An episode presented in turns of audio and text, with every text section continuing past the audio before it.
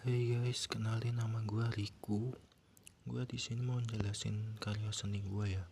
Mungkin ini agak aneh sih dari buat penilaian lulu pada. Ya sih, karya seni gue itu modelnya lukisan tapi tapi gue gue promosiin di podcast ini. Ya nggak apa-apa sih. Siapa tahu kalian penasaran lu bisa cek di IG gue. IG gue itu riku.nano-nano cari aja guys ada kok di situ banyak karya seni gue terutama gue mau jelasin tentang lukisan yang baru gue buat namanya lukisan granat.